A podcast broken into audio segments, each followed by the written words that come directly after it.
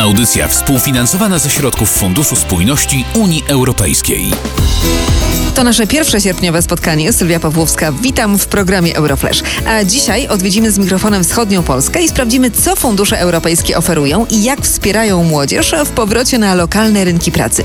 Z nami pani Justyna Gościewska z Optima HRS w Białymstoku. E, Pani Justyna, czekacie na młodych ludzi, którzy szukają pracy i chcieliby zacząć na siebie zarabiać. Kto konkretnie może przyjść? Dla ilu osób macie miejsce? W projekcie Zdobądź Zawodowy Power edycja druga może wziąć udział 36 osób, które zamieszkują miasto Białystok, powiat białostocki lub powiat sukulski. Muszą to być osoby, które są bezrobotne, niezarejestrowane w Urzędzie Pracy, nie uczą się w trybie dziennym i nie są w trakcie żadnych kursów, na przykład zawodowych. A na co może liczyć taki młody człowiek, który się do Was zgłosi? Jakie wsparcie proponujecie? Projekt obejmuje trzy formy wsparcia. To są spotkania z doradcą zawodowym. Druga forma wsparcia to jest staż zawodowy, a trzecia to jest pośrednictwo pracy, czyli spotkanie z osobą, która pomoże w szukaniu zatrudnienia na konkretne stanowiska. Wiele młodych osób decyduje się na staż, bo na stażu można nauczyć się zawodu, a taki staż ponadto daje szansę na znalezienie pracy i dodatkowo stażysta już w trakcie stażu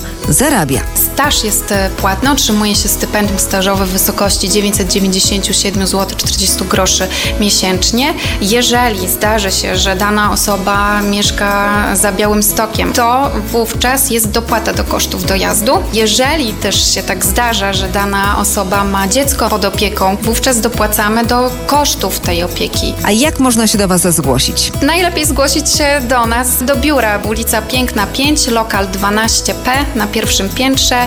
Zapraszamy od razu, najlepiej zabrać ze sobą e, CV i pozytywne nastawienie. Tyle Białystok, a teraz przenosimy się do Sanoka, gdzie czeka już pani Iwona Ryniak-Kasprzyk z Powiatowego Urzędu Pracy. E, Pani Iwono, z jakiego wsparcia najchętniej korzystają młodzi mieszkańcy Sanoka? z różnych form wsparcia, bo to są staże, bony szkoleniowe, jednorazowe środki na podjęcie działalności gospodarczej, prace interwencyjne. Teraz otrzymaliśmy dodatkowe środki, więc wprowadzimy nową formę jak doposażenia stanowiska pracy. Dużym zainteresowaniem cieszą się bony szkoleniowe. Czym są takie bony szkoleniowe? Jest to taka forma aktywizacji, e, która daje jakby gwarancję do tego, że osoba zostanie skierowana na jedno bądź kilka wybranych przez siebie szkoleń. Dodatkowo osoba otrzymuje jeszcze stypendium szkoleniowe. A z nami jest Jadwiga, która miała okazję swój staż odbyć w lokalnym radiu i telewizji. Zdrać proszę, co dał Ci taki staż? Jest to bardzo cenne doświadczenie. Miałam kontakt z ludźmi, jeździłam na materiały, y, nabrałam takiej odwagi i bardzo dużo mi to dało. Jeżeli także chcecie spróbować, wejdźcie w zakładkę Sprawdź ofertę dla osób młodych na stronie fundusze-europejskie.gov.pl. Wiele ciekawych informacji znajdziecie także na Facebooku. Audycja współfinansowana ze środków Funduszu Spójności Unii Europejskiej.